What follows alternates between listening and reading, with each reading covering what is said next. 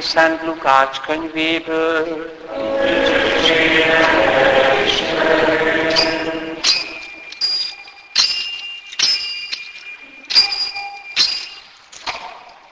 Abban az időben Jézus a Szentlélektől eltelve otthagyta Jordán és a lélek ösztönzésére a pusztába vonult 40 napra. Itt megkísértette a sátán.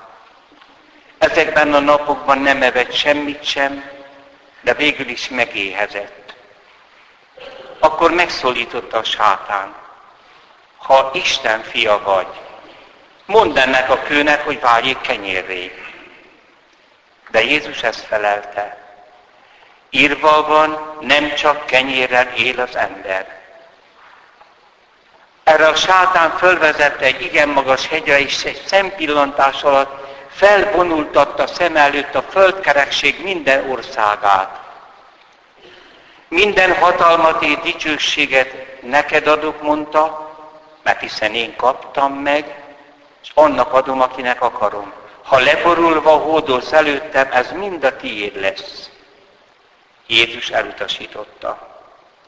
Írva van, Uradat, Istenedet imádjad, és csak neki szolgálj.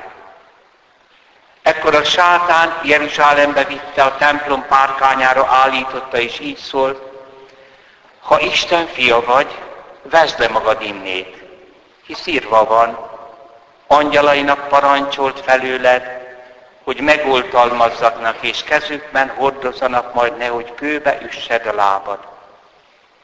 De Jézus ezt válaszolta, az is írva van, ne kísérj Uradat Istenedet.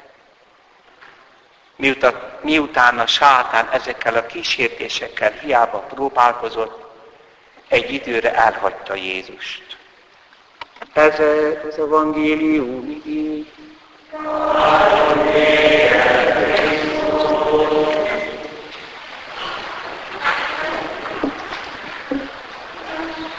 Kedves testvéreim, mielőtt 16. Benedek neki látna az ő könyvében részletesen elemezni ezt az evangéliumból hallott történetet, ezt írja. Jézus a Jordánnál megkapta a küldetésre való fölkenést a Szentlélektől. Meglepetésünkre a három szinop, szinoptikus evangelista, Máté, Márk, Lukács arról beszél, hogy a lélek utasítására a pusztába vezeti őt, hogy az ördög megkísértse. Tehát a cselekvést megelőzi a belső összeszedettségbe vonulás, mely egyszerűen és egyszer, mint küzdelem a küldetésért. Harc a megbizatás eltorzításai ellen, amelynek úgy, amelyek úgy kínálják magukat, mint éppen a küldetés megvalósítását. Eddig az idézet. Talán soha nem gondoltunk erre, hogy küldetésünk, amelyre rátettük az életünket, így lesz megkísértve. Ha a sátán nem tud lebeszélni arról, mint ember, mint keresztény, hogy legyen küldetése, tehát valakiért él, valamiért él, akkor változtat taktikát. Eltorzítja küldetésedet. Megdöbbentő. Mindenkinek van küldetése. A mai ember ettől is el akar futni. Elizabeth Lukász, a nagy pszichiáter, lélekgyógyász, sok embert meghallgatott, sok nyavajgó, szenvedő embert, és egyszer erőt vett magán, amit nem tanultak ők, azt mondta, ide figyeljen asszonyom, ide figyeljen uram. maga elejétől végig arról beszél, hogy mit várt az élettől, és mit nem kapott meg. Gondolt maga valaha arra, hogy mit vár magától az élet? A nagybetűs élet? Hát tiszta kapitalista világ. Nekem mindenki jár, én pedig nem vagyok küldve semmire. Hát itt kezdődik. Minden életállapot küldetés. Házasság, papság, szerzetesség, magányos, Istennek szentelt élet. Nem magamért, hanem másokért kell élni. Hát nem azért, hogy hiánytalanul boldog legyek. Nem, nem, az az örök boldogságra való. Hanem arra, hogy másoknak odaadja az életemet, és ez olyan csöndes fényjel és olyan szelíd boldogsággal megtölti az életedet. Ez érdekes. A boldogság úgy néz ki, hogy melléktermék. Az odaadott élet mellékterméke, de nem folyamatos érzés, hanem néha. 60 éves, hogy is körülvesznek az unokák. De milyen pillanat lehet az? Hogyha megérem, aranymisém itt van már. Milyen pillanat az? Hogy eltörpül minden kísértés, nehézség, de közben is van boldogság. Csak leszoktattak rólunk. Ezek az erős, érzéki érz, él, élvezetek, ez a boldog, ez nem boldogság, ezt a macska és a kutya is érzi. Az érzékek gyönyörűségét Isten találta ki. Nem rossz, ott, ahol van, de nem a boldogság. Hányszor mondtam már, hogy a boldog az gyönyör érzet, az magán jellegű. Ezt nem lehet megosztani. Hogy neked miért tetszik ez az étel, az ízlelő bimbóit hogy élvezik, ezt nem lehet megosztani. Az öröm viszont mindig a boldogság személyközi. Ezért van az, hogy amit édesanyát sütött, senki se fogja, hogy megsütni azt a süteményt. Testvérek, ma egy civilizálatlan, kultúrálatlan világban élünk. Az emberi életnek nem az a célja, hogy hiánytalanul minden nap rubickoljon a jó érzésbe, hanem hiánytalanul odaadja magát, ahogy Jézus ezt látta az örökké valóságban, szent háromságban, akinek a képére vagyunk teremtve. És testvérek, aki mindig ezt keresi, a saját boldogságát, annak az élete gics lesz. A nagy művészetben, innét lehet látni, hogy valaki nagy művész, nem dob be minden hatás, hogy leszedjen a lábadról. Azt mondja Pilinszki, hogy Bach itt-ott unalmas. Valami csodálatos belső program bontakozik ki az ő művébe, és itt-ott megcsillan valami nagy vigasztalás.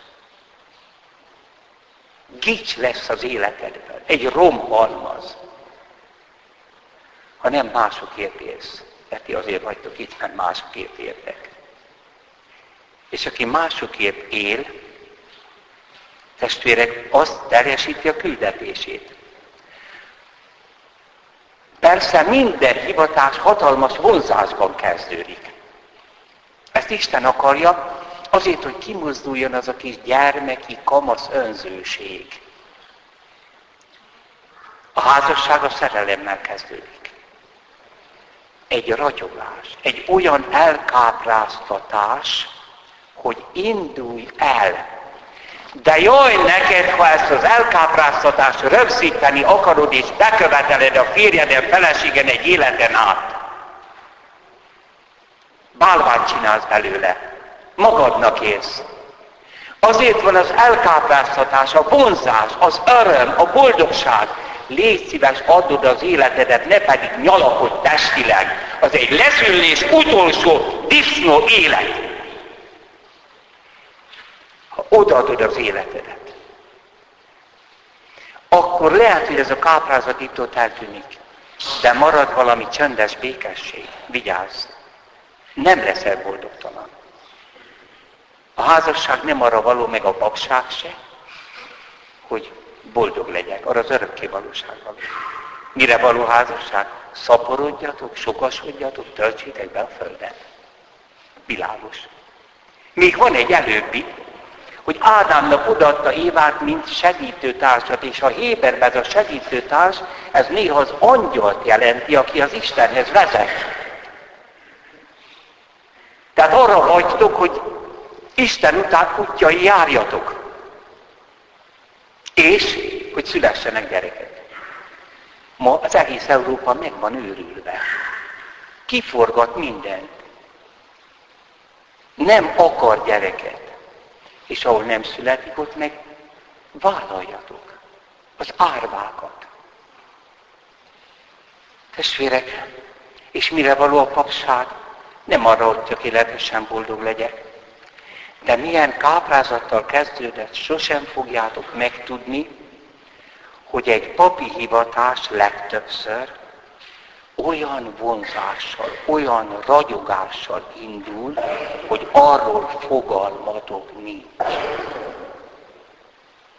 Egész gyerekom koromat beragyogta az oltár. Az öspörös ura, hogy misézett, hogy megszólalt a harang. Ez nem szerelem.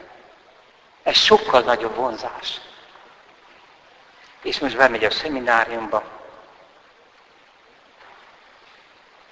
Tanulnia kell, látsuk mindent, jót is, rosszat is. De vajon megtanítják-e arra, hogy tulajdonképpen mire kaptad te ezt a ragyogást? Vállalod-e azt, hogy másokért élj? Hogy nincs szorosan vett magánélet. A magánéleted az, amikor az oltári szentség előtt vagy.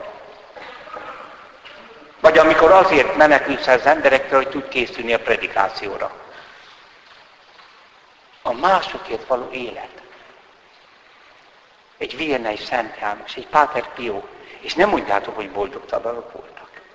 Hogy lehet boldogtalan az a Szent Pio atya, aki körülbelül annyi embernek változtatta meg az életét, leveleit földülhozták a kapucinusok, amennyi Magyarország lakossága.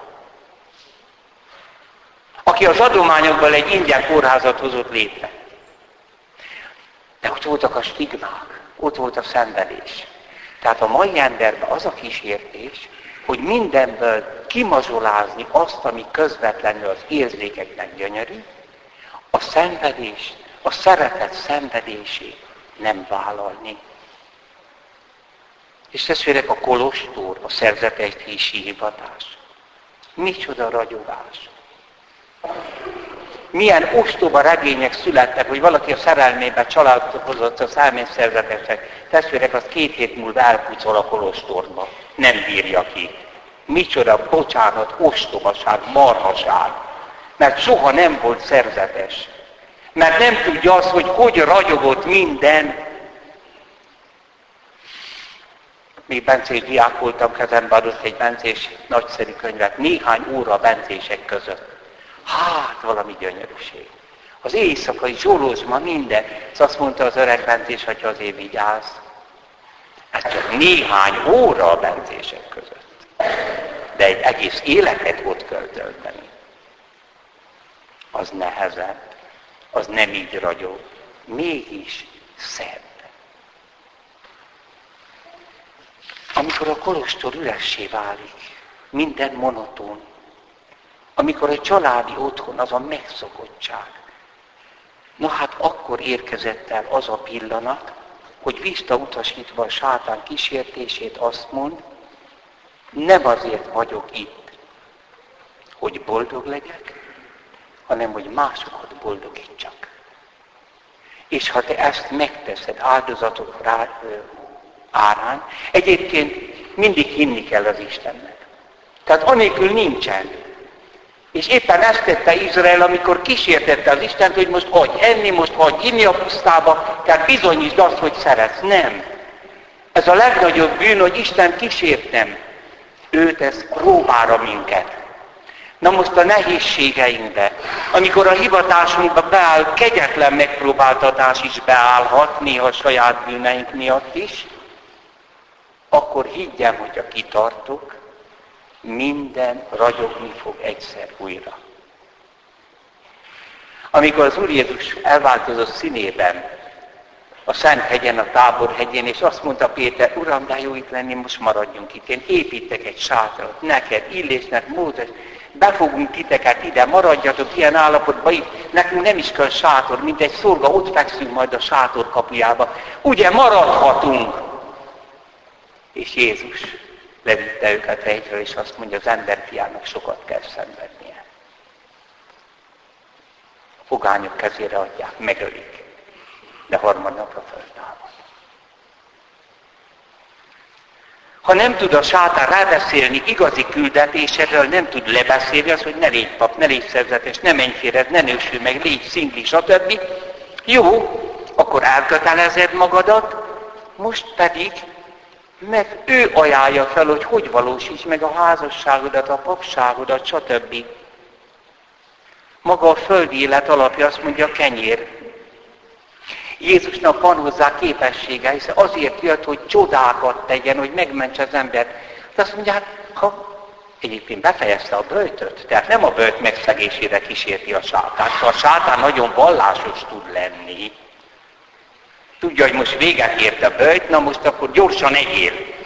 De a te csodatevő hatalmadat vesd be azért, hogy te egyél. De nem erre kapta a küldetést, hanem hogy másodat etessen. És kiket etet? Mondja a 16. Benedek, két jelenet van ezzel kapcsolatban. Egyszer, kétszer megszaporítja a kenyeret, de nem magának. Szerintem még abból se eszik. És miért? Mert a tömeg elfelejtkezik az ételről, és megy az igét hallgatni. Igen. Másodszor kezébe veszi az utolsó órába kenyeret, és azt mondja, ez az én testem, ez az én vérem. Önmagamat adom oda. Nem magamat eszem. Nem magamat élem föl. Aztán neked adom a világot. Hát meg akarod hódítani Jézus az egész világot az Istennek. Na hát akkor egy stratégiát dolgozzunk ki. Ne Istennel, hanem politikailag. Van hatalmad. Megmutatta a világ minden országát. Nem pornófilmet mutatott neki, hanem a legszebb dolgokat. Ez is egy kísértés. Ha az interneten a legszentebb dolgokat reggeltől estéig nézed, bűnt követsz el, mert nem erre való a szemünk, hanem hogy ezt a kis virágot, az ibolyát, amely itt nyílik, ezt most nézem. Ennek a kisgyermeknek az arcát. Erről a haldokról töröljem le az iszadságot. Ezt az ebédet most készítsen el, stb. Egy káprázat. És én adom neked. Nem kell tőled. Az egyház is meg van kísértve, hogy vedd kezedbe az világ eszközeit. Nem. Isten adja. Amint utolsó találkozáskor Jézus mondja, minden hatalom nekem adatot, de nem a sátántól. Az Atya adta oda. Miért? Mert az életemet adtam az emberekért. Végül, tedd próbára az Isten. Veszd be magad a templom tornácára, hiszen nagyon sok korabeli naív zsidó ember azt gondolta, egy húsvétkor leszáll a messiás a templom udvaron. Hát most ezt tudod teljesíteni, és csak elfogad mindenki. Nem. Ő nem azért jött, hogy csoda ember legyen, hanem ember legyen. Ne kísérj uradat, ne tedd próbára hanem enged magadat próbára tenni a keresztény. Kimeríthetetlen. Azt írja Benedek pápa, ez a belső összeszedettségben történő visszavonulás, halászállás az ember veszélyeknek kitett állapotába, mert csak úgy lehet felemelni az elesett embert. Jézusnak be kellett lépnie az emberi létezés drámájába. Végig kell járni azt a legvégső mélységet, hogy ekképpen megtalálja az elveszett bárányt, az embert, vállára vegye, hazavigye. Ez Jézus küldetésének szíve közepéhez tartozik. Tehát már azt mondja Benedek, már most száll alá poklókra. A küldetésem elfogadása, másokért való élet, annyit is jelenti, azt is jelenti, hogy merek leszállni a saját alvilágomba. Ezért kell visszavonulni Jézussal. Hiába tanul a pap sokat. Nem megy a predikáció. Le kell szállni a saját mélységedbe. Őszinte gyónást kell végezni. Volt olyan pap, aki minden nagy beszéd előtt meggyónt. Szembe kell nézni azt, hogy benne is van alvilág. Vadállatok a pusztában. Azt mondja egy gondolkodó, ha utazol, megismered magadat. Ha visszahúzódol a celládba, megismered a többi embert. Miért ismerték a remetek az embert? Miért mentek tanácsot kérni a pusztába a Konstanti Nápolyból a császár meg a püspökök? Mert a renetesség annyiban áll, mert a kereszténység annyiban áll, hogy nem az ördöggel, nem önmagam, mert az veszélyes, Jézussal lemerek szállni oda, ahol semmi sincs elintézve, ahol egy menthetetlen eset vagyok. És itt megismerem a többi embert. Persze, ez a leszállás veszélyes lehet. Veszélyes lehet, hogyha csak te önmagad a pszichoterapeutával leszállsz a mélységbe. Nem jó. Maga az ördög is azt mondja, jó, akkor menjünk a pusztába. Vonulj magadba, de vele, majd én megmutatom, hogy ott mi van. És az alvó vadállatokat fölébreszti benned. És ezért a remetességbe vonult, remete jelölt, visszafut a városba és paráználkodni kezd. Vagy kicsapongó életet él. Azt mondja a kartózi előjáró, Szarabíboros ír erről, hogy amikor bejönnek, hát nem csak ugye már híres emberek, például jezsuita szerzetes, mindenki hatalmas sikereket élt el, meg szent életet élő férfiak, és egy hónap múlva abban nagy ahol nem szabad beszélni, azt mondják, hogy hát atya, én megőrülök. Hát kint nem voltak ilyen zavaros gondolataim. Hát ezt nem lehet kibírni. Akkor nem itt van a hivatásod. A kartauzinak le kell szállni Jézussal a saját alvilágjába.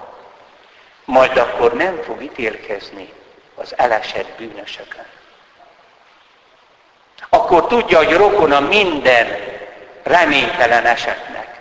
Akkor majd küldetése lesz ahhoz a családtaghoz is, aki nehéz eset.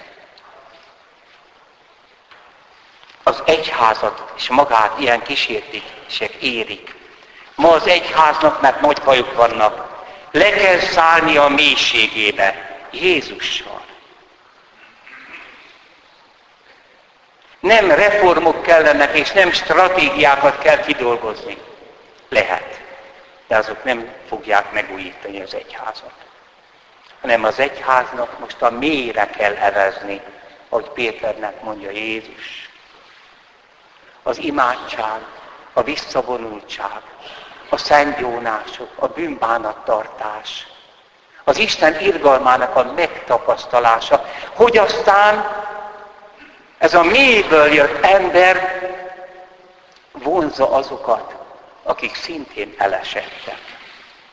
Egyébként az egyház történet ez bizonyítja, kedved van laposzt fel bármelyiket, Minden korban a szentek mentették meg az egyházat.